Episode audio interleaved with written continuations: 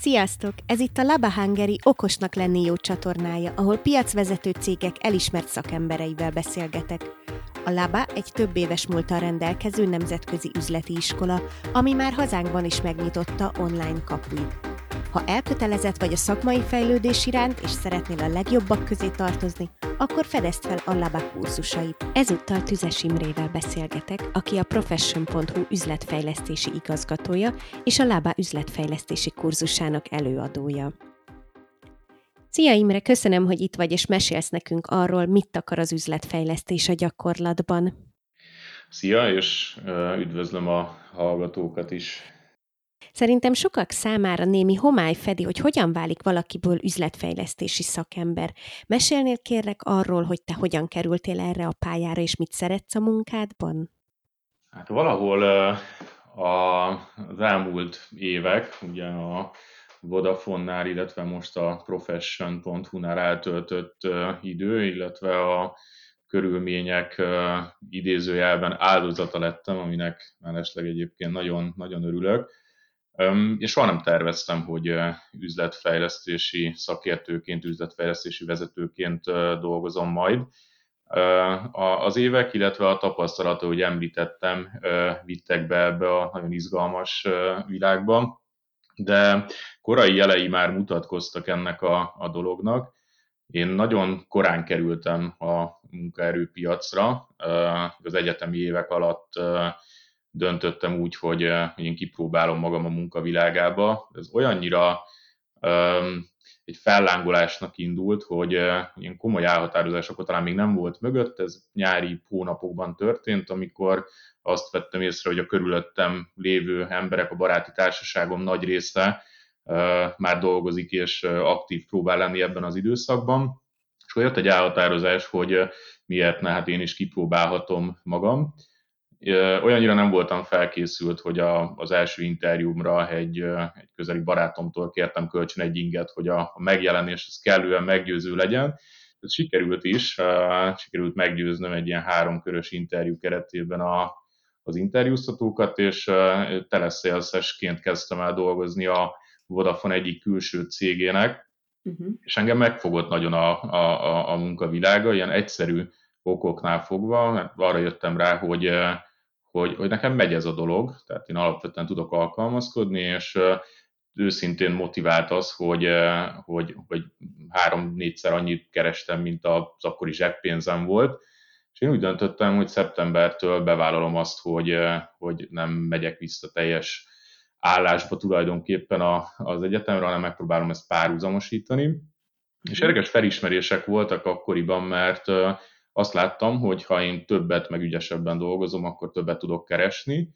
De aztán jöttek az első gátak, amikor már azt éreztem, hogy hiába telefonálok többet, vagy érvelek jobban, bizonyos körülmények tudnak gátolni. Például a, a rendszerek működése, az ajánlatok szofisztikáltsága, az, hogy milyen árakat tudunk mondani, és már akkor így felötlöttek bennem azok a gondolatok, hogy olyan szívesen beavatkoznék, és vizsgálnám azt, hogy hogyan tudjuk ezt máshogy csinálni, de nyilván akkor még nagyon, nagyon junior voltam, és nem volt nekem arra lehetőségem egy akkora vállalatnál, hogy, hogy majd én megmondom azt, hogy hogyan is lenne érdemes ezt csinálni. De valahogy ezek voltak a korai szakaszok, hogy mindig érdekelt az, hogy kicsit komplexebben nézzük a dolgokat, hogy eredményesebb legyen az, amit, amit csinálunk. Aztán, ahogy teltek az évek, egy másik ilyen inspiráció volt, hogy, hogy talán inkább úgy helyesebb, ha úgy fogalmazok, hogy felismerés, hogy nekem nem megy az, hogy hosszú ideig ugyanazzal a dologgal foglalkozom. Az én vezetőim, illetve azok az emberek, akikre szakmailag felnéztem, igazolták azt vissza, hogy, hogy nekem nem áll jól az üzemeltetés. Én addig, addig pörgök magas fordulatszámon, amíg, amíg kialakítunk valamit, amíg valami újszerűt csinálunk, és egy pillanatra tudok megállni, és úgy őszintén örülni a dolognak, de már keresem a következő lehetőséget. És pont ez volt talán a, a legfőbb oka annak, hogy a, az operációs vezetésből én átnyargaltam néhány évvel ezelőtt az üzletfejlesztésre, ami pont ezeket a, az igényeket tudja kielégíteni, hogy mindig egy kicsit más nézőpontból, mindig más perspektívából, máshogyan megközelítve más dolgokat csinálunk. Egy dolog mindig közös, az pedig az a cél, hogy jobbak, eredményesebbek legyünk. Ez egy jellegzetes karrierút egyébként ebben a szakmában? Nem hiszem, hogy létezik olyan, hogy tankönyvi karrierút ebben a szakmában. Én azt gondolom, hogy erre a dologra valahol érni kell, és valahol a legjobb tudást és gyakorlatokat az élet, illetve a mindennapok tudják meghozni.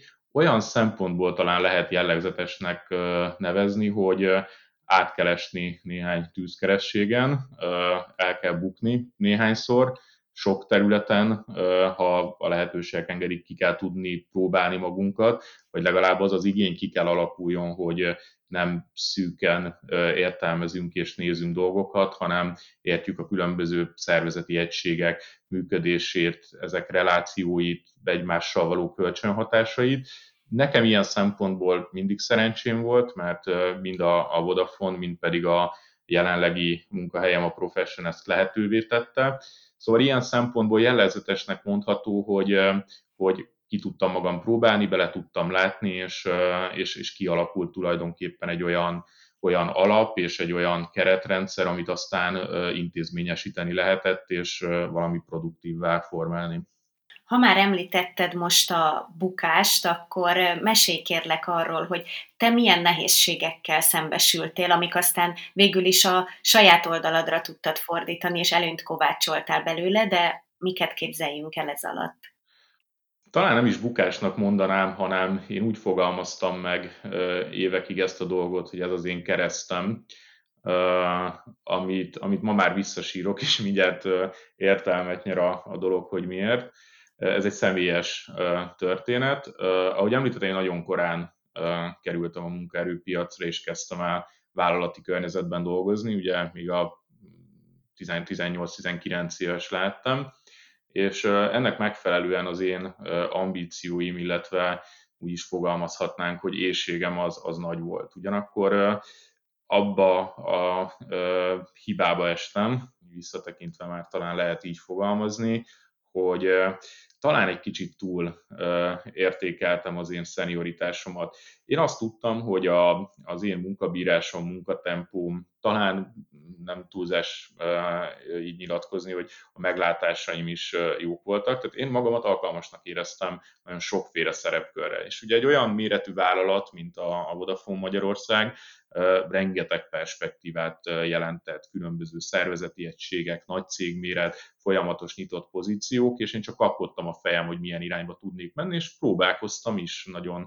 határozottam, viszont nagyon sok esetben kaptam azt a visszaigazolást, hogy értjük és nagyon értékeljük azt, amit jelenleg csinálsz, de nem vagy még kész ezekre a kihívásokra, konkrét pozíciókra, és, és ez sokszor megtörtént, és minden egyes ilyen alkalom az igazságérzetemet bántotta, mert, mert én azt éreztem, hogy, hogy én alkalmas vagyok és kész vagyok. Évek kellettek ahhoz, hogy, hogy belássam, hogy, hogy igen, a szenioritás. Lehet, hogy a többi faktor az, az rendben volt, de, de az éveket nem pótolja semmi. És talán utólag már mondhatom azt, hogy helyes döntéseket hoztak meg mások helyettem, és tulajdonképpen hálás lehetek ezért, mert én nagyon hiszek abban, hogy egészséges mértékben kell kimozdulnunk a komfortzónából, van ennek egy egy, egy optimális evolúciója, és könnyen előfordulhatott volna az, hogy, hogy akkora pofonba szaladok bele, ami aztán így letérít a, a karrierútról. Úgyhogy talán ez az egyik, amit én kudarcnak éltem meg akkoriban, és ez több alkalommal előfordult, hogy, hogy visszautasításokat kaptam. Ez egészen odáig zajlott, amíg, amíg egyszer csak nem, és, és lehetőségeket kaptam összetettebb, komolyabb, magasabb felelősséggel járó pozíciókban. Aztán most már úgy nyilatkozom erről, hogy bárcsak újra megélhetném, mert nyilván ez a koromból adódott, és sajnos újra nem lehetek 20 éves, meg 25 éves, úgyhogy talán ez az, amit így elsőként kiemelnék, ami, mhm. ami fontos szerepet játszott az én szakmai, illetve személyes fejlődésemben is. Igen. Most az üzletfejlesztésnek van egy, egy úgymond komplex megközelítése. Ezt valahogy úgy egyszerűen azért össze tudnád foglalni nekünk, vagy megfogalmazni? Igyekszem. Uh, igen, és ez azért egy nagyon nehéz kérdés, mert uh, ha a hazai fronton biztosan, de még nemzetközi szinten is találkozom olyan esetekkel, akár ilyen személyes találkozókon, akár szakirodalmat olvasva, hogy van némi definíciós zavar az üzletfejlesztés kapcsán. Ugye sokszor összekeverik ezt a, a, sales tevékenységgel, ami, ami nem helytálló, ugyanis nyilván a sales egy fontos része annak, amit mi üzletfejlesztésnek hívunk, de ez nem kizárólag erről szól. Az én értelmezésemben, és ez nem csak és kizárólag a sajátom, tehát ezt vallják mások is, és azt gondolom, hogy ez a helyes megközelítés, az üzletfejlesztés tulajdonképpen arról szól, hogy képesnek le kell lennünk felismerni azt, hogy adott pillanatban, a vállalat adott életszakaszában, figyelembe véve a saját eszköztárát, érettségét, a piaci viszonyokat, a versenytársi összehasonlítást, képesnek kell lennie felismerni azt, hogy mitől fog ez az üzlet növekedni, mitől tud az eredményesség javulni, és egy nagyon fontos kérdés a jövőállóságnak a biztosítása, hiszen ez talán egy megint egy saját tapasztalatot említek, egy, egy gyengesége a magyar vállalatoknak, főleg a jól prosperáló KKV-nál látom ezt, hogy ma nagyon jó, mert ma nagyon eredményes az üzlet, nagy a kereslet, amit csinálunk, arra van piaci igény, és, és természetes módon örülünk az eredményeknek, de kevésbé tesszük fel azt a kérdést, hogy ez vajon holnap, vagy öt év múlva, vagy tíz év múlva is ugyanígy fog-e működni. Mert pedig az idő röpül, a körülmények pedig gyorsan változnak, Persze szektoronként eltérő az, hogy mennyire turbulens a piac, és mennyire változnak a fogyasztói igények, hogyan jelennek meg olyan versenytársak, amelyek disztraptálják ezt az egész piacot. De hogyha nincs meg ez a fajta megközelítés, hogy már most előre gondolkodunk új üzleti lábakon, már most gondolkodunk azon, hogy mitől lesz ez, ami amit ma csinálunk, valid és érvényes évek múlva, akkor tulajdonképpen egy óriási hiányosságot viszünk a, a hátunkon. Tehát összefoglalva, én azt gondolom, hogy az üzletfejlesztő akkor végzi sikeresen a munkáját, hogyha képes azonosítani, hogy most mivel érdemes foglalkozni, mert kicsit minden vállalatnál eltérő, hogy mi, mitől fog beindulni a motor. Néha azzal kell szembesülnünk, hogy a termékek nem validak a piacon, néha a marketing stratégiával kell foglalkoznunk, mert nem jól pozícionálunk, néha a sales hatékonyságunk vet fel kérdéseket, néha az árazásunk, néha a belső rendszereink okoznak blokkokat. Ismernünk kell azokat a módszertanokat, amivel át tudjuk világítani a szervezetünket, javaslatot tudunk arra tenni, hogy mivel érdemes foglalkoznunk, és mivel nem, ez is egy nagyon-nagyon fontos kérdés, van erre egy nagyon érdekes és egyszerű, frappáns megfogalmazás, hogy, hogy hogyan is érdemes ezt a kérdéskört kezelnünk. Ugye az angol azt mondja erre, hogy uh, doing the right things, uh, doing things right. Ugye óriási különbség van a kettő között, míg az első azt mondja, hogy a jó dolgokkal foglalkozunk, a másik azt mondja, hogy a jól foglalkozunk a dolgokkal. Én azt mondom, hogy az üzletfejlesztőnek a jó dolgokkal foglalkozunk kérdéskörben kell nagyon otthonosan mozognia, felismerni, hogy, hogy mit érdemes annak érdekében csinálni, hogy egyről a kettőre lépjünk, hogy nőjön a piaci szerepünk, súlyunk, helyünk, javuljon az eredményességünk, és a legfontosabb, hogy holnap is érvényes legyen az, amit mi csinálunk, és prosperálni tudjon a vállalat. Ide szerintem teljes mértékben kapcsolódik az üzletfejlesztés úgynevezett szent háromsága. Ezt még egy kicsit így összefoglalnád nekünk, hogy ez pontosan mit jelent?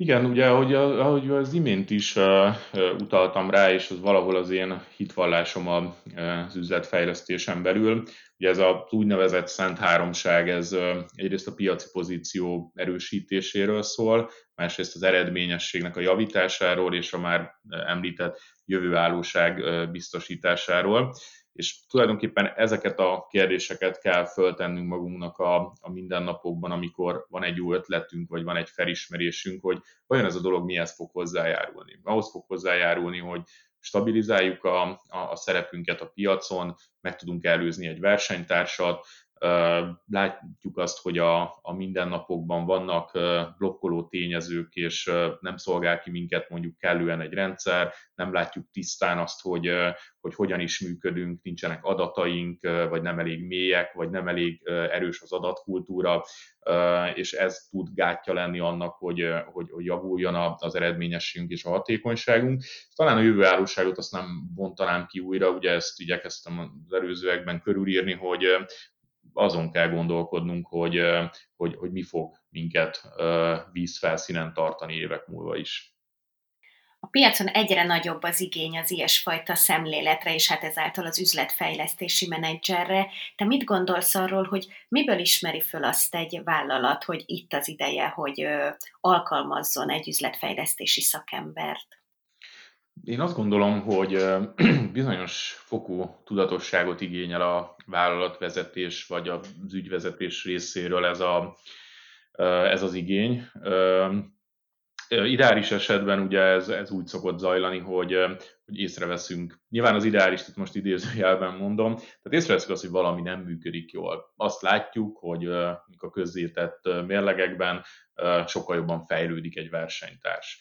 Vagy meghalljuk azokat a hangokat házon belül, hogy a, az értékesítés panaszkodik, hogy már pedig ezzel a rendszerrel nem lehet hatékonyan dolgozni. Rossz lídekre megyek rá, nem tudok jól konvertálni vagy azt tesszük észre, hogy, hogy a terveink, amiket a pénzügyi évre megfogalmaztunk, azok rendre elmaradnak a, a várakozásoktól. És jellemzően ugye nem ez szokott az első lépés lenni egy vállalatnál, hogy akkor borzasztóan alaposan világítsuk át, hogy mi lehet a, a blokkolásnak az oka, hanem, hanem vannak vannak ötletek, vannak domináns karakterek, vannak elképzelések, és belevágunk, és, és nagy lendülettel elkezdünk azon dolgozni, hogy akkor toljunk bele több pénzt a, a, a marketingbe, és hirdessünk többet, vagy vegyünk föl még öt értékesítőt. De amikor nem jönnek ezek az eredmények, akkor már tulajdonképpen veszteségekről beszélünk, és azt gondolom, hogy ez az a momentum, amikor, amikor szükség van azokra a szakmai eszközökre, és arra az időre és erőforrásra és megközelítésre, amit az üzletfejlesztés tud adni. Picit leüljünk, és kezdjünk el terveken dolgozni, kezdjük el a legkülönbözőbb aspektusokból átvilágítani azt, hogy hogyan is működünk. És uh, itt tulajdonképpen nem ússzuk meg azt, hogy, uh, hogy alaposnak kell lennünk, és tényleg különböző perspektívákat gorcső alá venni, kezdve a, a személyi állomány felkészültségével, a piaci viszonyoknak az alapos megismerésével, a versenytársak működésével, a saját hatékonyságunknak a megmérésével, a marketing és stratégiánk átvilágításával, és még sorolhatnám. Nyilván vannak azért jellemzők, amit, amit fel lehet ismerni, hogyha az ember alapvetően otthon van egy adott szektorban, akkor, akkor nem feltétlenül szükséges az, hogy step by step minden egyes lépést átvilágítsunk. Mert hogyha az ember jó módszereket alkalmaz, és, és, és alapos a cégismeretem, és itt ezt aláhúznám, hiszen azt gondolom, hogy az üzletfejlesztő akkor tud igazán hatékony lenni, hogyha ismeri a saját szektorát, ismeri a versenytársakat, de a legfontosabb ismeri a cég működését, és nem csak egy perspektívából, hanem minden perspektívából. Én azt gondolom, hogy akkor aránylag gyorsan lehet azonosítani azt, hogy hová is kell nyúlni adott pillanatban. És talán ez lehet az oka annak, hogy, hogy vállalatoknál megjelenik az igény erre, és egyre több olyan álláshirdetést is látunk, ahol ilyen szakértelmet keresnek. A KKV-knál ez jellemző lehet, hiszen ők ugye egyről a kettőre szeretnének lépni, és természetes módon éhesek és, és nőni akarnak. A nagyvállalatok életében jellemzően az szokott történni, hogy van egy pillanat, amikor belassulnak a dolgok, és, és felmerülnek a kérdések, hogy hogyan lehetne ezt a helyzetet kezelni és megoldani, és ilyenkor jönnek azok az analízisek, átvilágítások, amelyek aztán rávilágítanak a, arra a kérdésre, hogy a, milyen jó dolgokkal kell foglalkoznunk, hogy ez az egész jobban működjön. És hogyha nincsenek látható problémák egy vállalkozásnál, akkor milyen gyakran érdemes elemezni a lehetőségeit? Én azt gondolom, hogy a lehetőségek elemzése az, az nem szabad, hogy egy pontszerű tevékenység legyen. Mi például úgy működünk, hogy dedikált erőforrásunk van arra, nem is kevés, hogy folyamatosan felülvizsgáljuk azt, hogy hol vagyunk mi egy koordinátorrendszerben és ennek ugye nagyon sok dimenziója van, összehasonlítjuk magunkat a lokális és globális versenytársakkal, Nyilván ez szektor szinten eltérő, hogy ez, ez indokolta vagy sem. Az a biznisz, amit mi csinálunk, ott igenis van jelentősége annak, hogy nemzetközi összehasonlításban is értsük, hogy mi mit csinálunk. Ennek ugye szintén sok szintje van, egyrészt a, a termékportfólió, az értékajánlat, a, a sales stratégia, az online manifestációk, az árképzés, és ha lehetőségünk van arra, akkor picit amennyire tudunk, és amit engednek a keretek, igyekszünk benézni a színfalak mögé, és megérteni azt, hogy ahogy mi működünk, és hogy mások működnek, ott hol van a, a, a gap tulajdonképpen, és, és mi az, amit jól, rosszul, vagy kicsit hiányosan csinálunk. A lehetőségek azonosítása pedig ugye egy folyamatos tevékenység szintén, ezt intézményesíteni is lehet, tehát én azt gondolom, hogy egy, egy tudatos és a jövőállóságra törekvő vállalatnál ez egy alapvetés, hogy folyamatosan nyitott fülekkel jár, és próbálja felismerni azt, hogy milyen perspektívák vannak előtte. Nyilván lehet ezt házon belül is erősíteni, hogy ezek az elképzelések, ötletek, felismerések jöjjenek, lehet inspirálódni ugye azáltal, hogy figyeljük a piacot és figyeljük a globális trendeket, figyeljük a vásárlói ö, igények változását, és erre reflektálva igyekszünk ö, valami újba belekezdeni.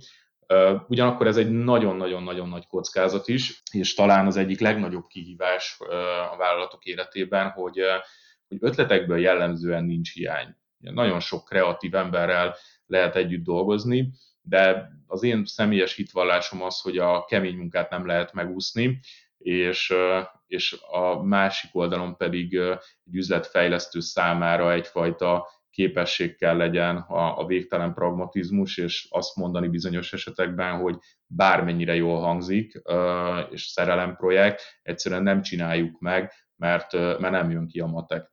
És ez az, amin azt gondolom, hogy mindenki, aki üzletfejlesztésben dolgozik, előbb-utóbb majd át fog esni, hogy nagyon szerelmes lesz egy elképzelésre, és, és belelátja a következő Facebookot. De de, de a valóság nem ez, és, és azt gondolom, hogy itt van szükség azokra a módszertani dolgokra, arra az adatalapú döntéshozatalra, arra az adatkultúrára, ami aztán kegyetlenül az arcunkba vágja, hogy ez nagyon jól hangzik, de, de ez nem fog így működni. És ugye itt bejön egy olyan faktor is, amivel én személyesen is küzdöttem hosszú ideig, hogy hogy beleszeretünk mi az elképzelésünkbe, és, és dolgoznánk is rajta, sőt, ugye nem ússzuk meg azt, hogy eljutunk odaig, hogy elkészül egy üzleti terv, egy business case, és majd azt szembesít minket a valósággal, és tulajdonképpen kidobjuk az ablakon, mert azt látjuk, hogy nem éri meg. És ugye, hogyha valakinek, valakinél kódolva van az, hogy szereti a pozitív visszajelzést, és inkább így vagyunk mi ezzel a mindennapokban, hogy szeretjük a visszaigazolást, és szeretünk sikereket megélni. Ez egy nagyon kegyetlen pillanat tud lenni, hogy egyrészt az ötletet, az elképzelést is kidobtuk, de valójában még az sem látszik, hogy nekünk ebbe mennyi energiánk került bele. Tehát tulajdonképpen ez egy, ez egy árnyékban maradó munka lesz, és, és én azt gondolom, hogy, hogy az nehézség lehet a, a mindennapokban ezeket megélni. Igen, említetted most az adatkultúrát, hogy azt még egy picit tudnád körülírni, hogy ez pontosan mit jelent, és miért olyan fontos a döntéshozatalok szempontjából. Ebből nem tudom teljesen eliminálni a, az ilyen szubjektív meglátásaimat. Én én alapvetően egy nagyon adatalapú valaki vagyok, engem így is tartanak nyilván az én környezetemben, hogy, hogy én nem hozok úgy döntést, hogy, hogy, hogy nem látok számokat. Nyilván próbálok az egészséges határon maradni, tehát kockaként sem szoktok apostrofálni, de valahogy én szoktam az lenni a különböző szakmai körökben, cégen belül is, aki, aki ezt a nézőpontot, ezt a fajta megközelítést képviseli. Tehát én nem tudok nem elfogultan nyilatkozni erről a, a dologról. De, de mint minden uh, üzletfejlesztési dolog, ez sem egy one man show. Tehát itt jellemzően csapatok dolgoznak együtt, és a jó üzletfejlesztő az tulajdonképpen uh, uh, mindenhova egy kicsit bedolgozik, és tulajdonképpen gólpasszokat ad. Márpedig, ha az adat adatra és az információra való igény mondjuk nem olyan erős a másik térfélem, akkor, akkor ez nem fog működni. Mondok egy példát, tehát ha, ha azt látjuk, hogy a sales hatékonyságunkat kell növelni, és, és különböző módszertanokkal mi arra jövünk rá, hogy az a CRM rendszer, amit használunk, nem szolgálja ki a, az igényeket, akkor ez nem evidens, hogy azonnal meg lehet győzni azt a döntéshozót, aki a teljes szélszért felel, hogy már pedig nekünk abba az irányba kell mennünk, hogy egy CRM rendszert kell bevezetnünk, vagy le kell cserélnünk a jelenlegi. Az adat tud segíteni, mert ad egy ilyen objektív látásmódot, de még talán ez is kevés. Egyszerűen el kell tudnunk odáig jutni, hogy a másik oldalon is kialakuljon az erre való igény. És ennek azért van egy útja, van egy evolúciója. Sokszor futottam abba bele az elmúlt években, hogy ha egy kicsit is hiteltelen a dolog, ha, ha billeg és, és kiderül egy-egy kalkulációról vagy adatforrásról, hogy nem száz százalékban megbízható, akkor öngolt lőttünk. Tehát törekedni kell arra, hogy legyen egy olyan ökoszisztémánk, legyen egy olyan keretrendszerünk, amelyből képesek vagyunk adatokat kinyerni. És önmagában az adat még azt gondolom, hogy nagyon kevés. Ezt át kell tudnunk konvertálni információkká, tehát kell, hogy rendelkezzünk azokkal a készségekkel, képességekkel, tovább megyek rendszerekkel és architektúrával, ami alkalmas arra, hogy mi a mindennapokban a legmélyebb szinten érteni tudjuk azt, hogy mi történik a mi működésünkben, mi történik jól és mi zajlik rosszul. Ezt képesek legyünk fogyasztható formában kinyerni, és ha eljutunk odáig, hogy a szervezet legkülönbözőbb részein megjelenik az igény arra, hogy ez alapján hozzanak döntéseket, akkor, akkor jól végeztük a munkánkat. De ennek előfeltétele az, hogy rendelkezzünk a képességgel, rendelkezzünk az eszköztárral, és mindezt le tudjuk olyan formában vagy át tudjuk fordítani egy olyan formátumra, ami könnyen fogyasztható lesz a másik oldalon. Ez csak így tud beindulni. Ha mindenkinek a nyakába akasztunk egy, egy Power BI-t, vagy, vagy bármilyen adatelemző eszközt, hogy tessék, használd, ott van az adat, akkor ez nem fog működni. Pedig érezhetnénk azt, hogy mi mindent megcsináltunk, hiszen létrehoztunk egy adattárházat, kinyerünk minden nap adatokat, és tessék, használd. Egyszerűen ebbe benne kell legyen az a fajta edukáció, ami oda vezet, hogy az emberek szeretik ezt használni, és rájönnek arra, hogy ha én figyelembe veszem azokat az adatokat, metrikákat, amit te elém társz üzletfejlesztő, akkor én jobban tudom végezni a dolgomat. Akkor tudom, hogy kiket érdemes felhívnom, és kiket nem érdemes felhívnom. Tudom, hogy ebbe az irányba érdemes csoportosítanom marketing költéseket, abba meg nem. De ez nem egyik napról a másikra történik, ebbe kőkemény munkát kell belerakni, hogy egy szervezet adatkultúra szinten eljusson, eljuss, eljuthasson idáig, és akkor, akkor érkeztünk meg oda, hogy, hogy adatkultúráról beszéltünk egy cégnél. Ez most nagyon jól mutatja szerintem azt, hogy mennyire összetett valójában ez a munkakör, és hát még a kiszámíthatóságon túl azért ne feledkezzünk meg arról, hogy bármikor előfordulhat egy olyan eset, amit most például így a járványhelyzet nagyon jól megmutatott, amire gondolom kevéssé lehet felkészülni. Ez hogyan hatott a te munkádra? erre nem lehetett felkészülni, és én föl is tettem magamnak azt a kérdést, hogy, hogy vajon ezt erre jobban be lehetett volna rendezkedni, vagy sem. Uh-huh. És arra jutottam, hogy, hogy nem. Mi, mi próbálunk nagyon-nagyon tudatosak lenni, mi alkalmazunk olyan gyakorlatokat a mindennapokban, hogy, hogy ilyen mi van, ha beszélgetések, és, és akkor különböző forgatókönyvekre hogyan reagálnánk. Azt gondolom, hogy ez egy nagyon fontos dolog, és ezt minden vállalatnak ajánlom, hogy ha teheti, akkor, akkor szálljon erre időt, hiszen egyrészt egy nagyon mókás gyakorlat, mindaddig mókás, amíg ugye teoretikusan tudunk ilyenekről beszélni, de, de borzasztó jó felismeréseket hoz, és erre is léteznek különböző keretrendszerek, módszertanok, hogyha valaki bizonytalan abban, hogy le tud-e menedzselni egy ilyen közös gondolkodást, akkor erről lesz is szó majd a kurzus keretében, hogy hogyan érdemes egy ilyen inverse tervezést csinálni. Summa summarum, mi erre szánunk időt, energiát, hogy, hogy felkészüljünk abszolút váratlan és, és érdekes helyzetekre. Erre nem voltunk mi sem felkészülve, tehát ez nem volt benne a pakliban. Én azt gondolom, hogy ettől függetlenül viszont lehet jó lépéseket tenni, és, és proaktívnak lenni, még ha nem is látjuk száz százalékban előre a forgatókönyveket. Ugye borzasztó nagy a kiszámíthatatlansága egy-egy ilyen helyzetnek, és most nem is csak a Covid-ról beszélek, hiszen ha nem is ennyire szélsőséges, de kisebb krízis helyzetek előfordulnak minden vállalat életében, és én azt gondolom, hogy, hogy, hogy, hogy fel lehet ezekre tulajdonképpen készülni, és tudjuk azt, hogy, hogy, hogy mihez kell nyúlnunk, kit kell értesítenünk, milyen forrásokat tudunk megmozgatni, mekkora veszteséget tudunk bevállalni adott pillanatban, és ezek minden egyes ilyen kisebb lépés, amire van forgatókönyvünk, és jól átgondolt forgatókönyvünk, az egy olyan helyzetben, mint például ez a COVID szituáció, de akár egy kisebb krízis helyzet, nagyon értékes órákat és napokat, és nap végén pénzeket tud nekünk megmenteni, mert krízis helyzetben az ember máshogy gondolkodik, akkor, akkor nyomás alatt érzi magát, míg ha van egy forgatókönyvünk bizonyos helyzetekre, amit a fiókból elő tudunk venni, akkor, akkor tulajdonképpen, ha nem is mondhatom azt, hogy nyert ügyünk van, de sokkal kevésbé fog fájni egy-egy ilyen helyzet. Uh-huh. Szerintem nagyon hasznos lenne, hogyha a hallgatók azt is megismerhetnék, hogy hogy telik egy üzletfejlesztési menedzser munkája? Egyetem van olyan, hogy átlagos napod? Tehát amit így átlagosnak lehetne nevezni, hogy ez mindig így zajlik? Átlagos a szó abban az értelmében, hogy hogy semmi érdekes nem történik, olyan kevésbé.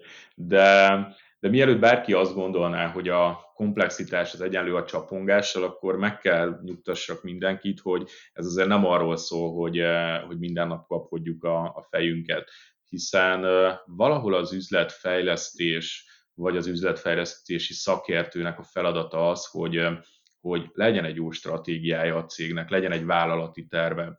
És azt gondolom, hogy ez az alap, és majd a kurzus programban is ezt igyekszem kidomborítani, hogy, hogy eh, hogyan is tervezünk mi általában stratégiát, és miért csináljuk rosszul. Most picit talán kritikus vagyok, aztán lehet, hogy eh, eh, jó gyakorlatokkal fogunk majd szembesülni, de nekem az a meglátásom, hogy, hogy ennek a jelentőségét sok cég alábecsüli. Oda akarok kiukadni, hogy, hogy szükség van valami olyan tervre és olyan itinára, amihez igazodni tudunk. És azt gondolom, hogy a, az üzletfejlesztési szakembernek, menedzsernek a mindennapjait tulajdonképpen ez a fajta terv fogja meghatározni, és így fog az egész képletből kikerülni a, a csapongás faktor, mert nem az történik, hogy minden nap más szerepkörben vagyunk jelen. Nyilván a polihisztoriénünk az, az megvan, hiszen időszakosan lehet, hogy épp a szélszéretében veszünk részt mélyebben, néha meg a, a, az adatkultúrát javítjuk, de, de ezek hosszabb kifutású dolgok jellemzően. Tehát amikor analizálunk egy területet, vagy épp egy tervet készítünk a következő pénzügyi évre, vagy egy, egy, egy marketing stratégia kialakításához igyekszünk elemeket és, és szaktudást adni, akkor annak azért van több napos, hetes, vagy hónapos kifutása, de mondok egy példát, ami, ami azt gondolom, hogy ezt jól fogja illusztrálni. Mi nagyjából olyan két évvel ezelőtt egy elég nagy ilyen rendszerarchitekturális átalakítást csináltunk meg, abszolút üzletfejlesztési céllal, ez pedig a mi sales működésünknek a, az újravarrása volt, aminek számos aspektusát tudjuk most már magunk mögött. Ennek egy első nagy lépése az volt, hogy legyen egy víziónk arra, hogy hová akarunk mi eljutni és miért. És ehhez fontos volt, hogy érteni tudjuk a piaci viszonyokat, a mi gyengeségeinket ebben az egészben, és egy nagyon egyszerűen értelmezhető több lépcsős folyamatot raktunk össze. Az első állomása az az volt, hogy bevezettünk egy, egy, egy elég komplex CRM rendszer, amit nagyon konkrét célral tettünk, tehát nem azért, nem volt jobb dolgunk, hanem pontosan meg tudtuk azt fogalmazni, hogy nekünk azért van szükségünk egy ilyen komplexitású rendszerre, mert azt vettük észre a mindennapokban, hogy az üzlet skálázásának az egyik kiváló eszköze lehet az, hogyha tudatosabban tudunk döntéseket hozni, jobban tudjuk analizálni a piaci lehetőségeket, jobban tudjuk befektetni a sales kapacitásainkat. És ez egy, egy több mint egy évig zajló folyamat volt, ahol az üzletfejlesztés vállalt szerepet, onnantól kezdve, hogy, hogy meg tudjuk érteni, hogy miért van nekünk erre szükségünk, milyen ambíciókat fogalmazunk meg, mi voltunk azok, akik körüljárták ennek a technológiai, üzleti és folyamatbeli aspektusait, akik leszerződtek azokkal a partnerekkel és beszállítókkal, akik menedzselték ezt az óriás projektet, és, és tulajdonképpen ennek a kezdeti üzemeltetését is mi végeztük. Mindezt nem azért, mert mi CRM szakértők szerettünk volna lenni, hanem azért, mert azt láttuk, hogy az üzlet fejlődésének tulajdonképpen egy, egy nagyon fontos eszköze lesz majd ez a, ez a rendszer. Ha valaki most ez a beszélgetést hallgatva érzi azt, hogy ez a téma őt érdekelné, és szívesen nyitna ebbe az irányba, akkor mit tudnál javasolni, hogy mitől lesz valaki egyáltalán jó üzletfejlesztő, vagy mik azok a dolgok, amiket biztosan érdemes már alapjaiban elsajátítania, hogy aztán később könnyebben tudja megugrani az akadályokat?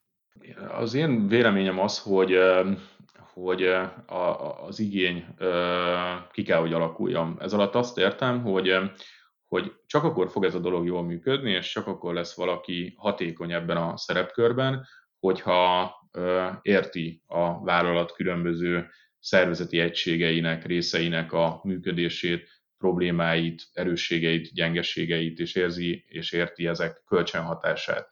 Tehát ha valakiben megszólal az, hogy ő foglalkozni akar ezzel a témával, és eszközöket, módszereket akar használni annak érdekében, hogy az egész üzlet működése javuljon, a jövőállóság biztosítva legyen, akkor egy alapvetés az, hogy tesz azért, hogy rálátása legyen a cég egészének a működésére.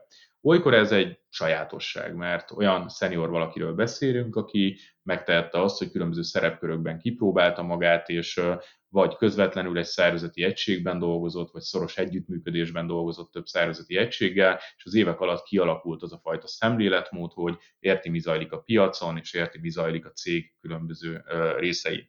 Ha ez nem adottság, akkor ezért lehet tenni. Én azt gondolom, hogy ha valakiben megszólal az, hogy ő szélesebb spektrumban szeretné látni a működést, akkor ő, ö, neki meg kell, hogy legyenek az eszközei ahhoz, hogy ne csak szűken azzal a területtel foglalkozzon a mindennapokban, hanem tovább gondolja ezt egy kicsit. Mondok egy példát, ha valaki elemzőként dolgozik, akkor ugye talán észrevétlenül is rengeteg relációja van a szervezettel. Én például kifejezetten szeretek együtt dolgozni olyan business analisztekkel, akik tovább gondolnak dolgokat, tehát nem csak számokat látnak és felismeréseket tesznek, hanem tesznek lépéseket annak érdekében, hogy amikor ez az egész információval konvertálva, akkor részt vegyenek azokon az egyeztetéseken, ahol valaki ezeket az meglátásokat befogadja, és nyomon kövesse azt, hogy az ő iránymutatásai, felismerései, analitikái, azok hová vezetnek az üzletben.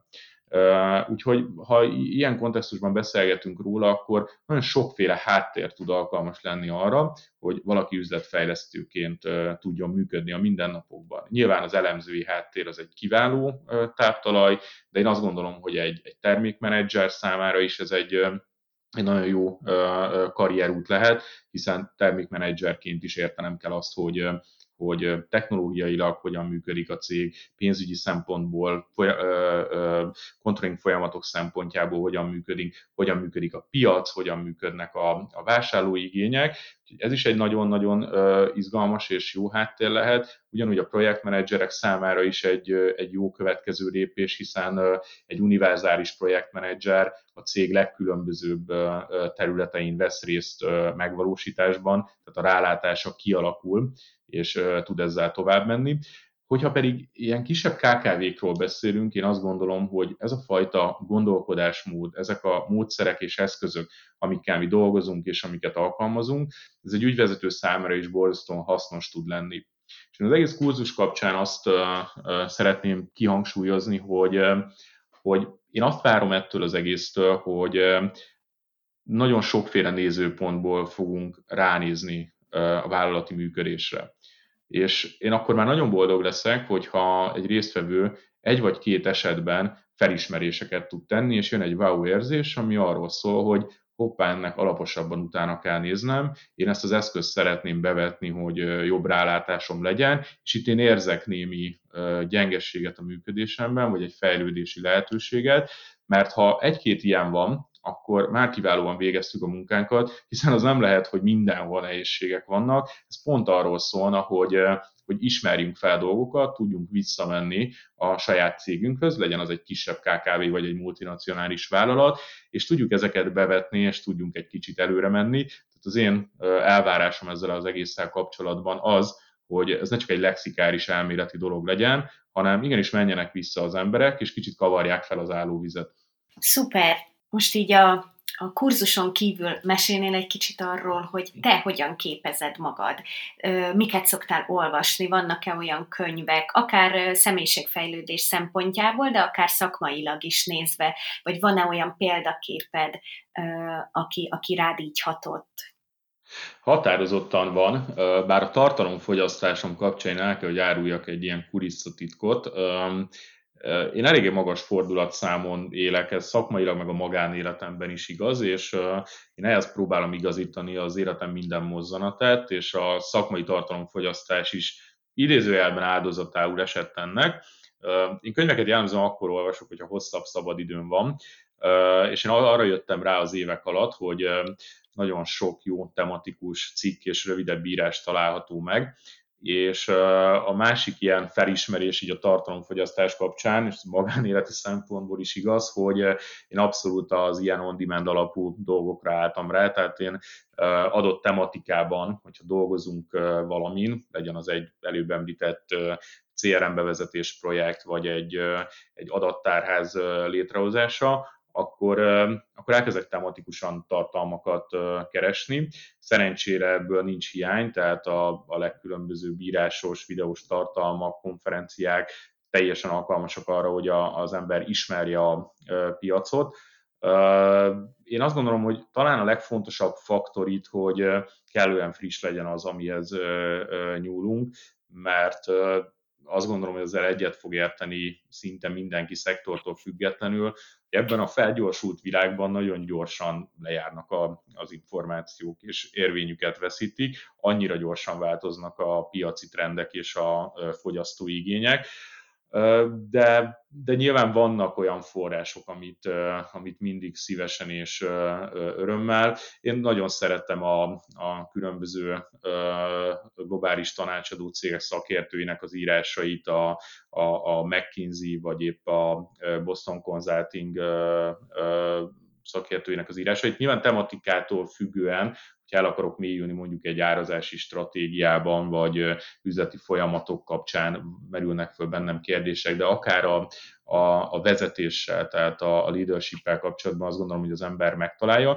Jól kell tudni szelektálni és uh, válogatni, mert uh, hatalmas a zaj ilyen szempontból a, a, a piacon, de, de talán ezek a források azok, ahol, ahol azért rossz minőségű tartalmakat én kevésbé találtam.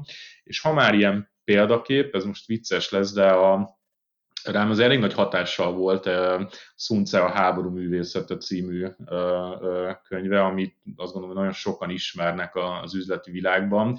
A, a stratégia alkotás, a versenypiaci működés kapcsán elképesztően jó meglátások találhatóak benne. Ugye a Szunce annak idején nem olyan célral írta ezt a könyvet, hogy a 21. század üzleti döntéshozóit támogassa, hanem az ő saját korának hadviselési módozatait próbálta jól körülírni, de mindezt tette olyan szofisztikáltsággal és olyan formában, ami aztán jól adaptálható az üzleti világba is, és nagyon jó gondolatokat, gondolkodásmódot, megközelítéseket tartalmaz. Mindenkinek ajánlom, nem egy hosszú könyv, de, de olvasmányos abszolút és szórakoztató, nem beszélve arról, hogy jól lehet fordítani a mindennapjainkra vagy vannak ehhez kapcsolódóan különböző olyan értelmező írások, amik segítenek megfeleltetni az ő gondolatait. Nagyon szépen köszönöm, hogy megismertetted velünk a munkádat, és hogy meséltél róla. Én biztos vagyok benne, hogy nagyon sok hallgatónak kedvet csináltál most ezzel az üzletfejlesztési kurzushoz, úgyhogy köszönöm szépen, hogy itt voltál. Részemről a szerencse, és nagy szeretettel várok mindenkit majd a kurzuson. Szerintem nagyon-nagyon-nagyon-nagyon izgalmas lesz látni azt, hogy a különböző vállalatoknál, különböző nézőpontokból milyen jellegzetességek, nehézségek vagy sikersztorik vannak. De egymástól is nagyon sokat fogunk ott majd tanulni. Köszönöm, hogy végighallgattátok ezt az epizódot. Ha tetszett, akkor iratkozzatok fel a csatornára, hiszen hamarosan újabb beszélgetéssel várunk. Amennyiben felkeltette az érdeklődéseteket a Lava Hungary online üzleti iskola, akkor a csatorna leírásban és az epizód alatt megtaláljátok az elérhetőségét. Sziasztok!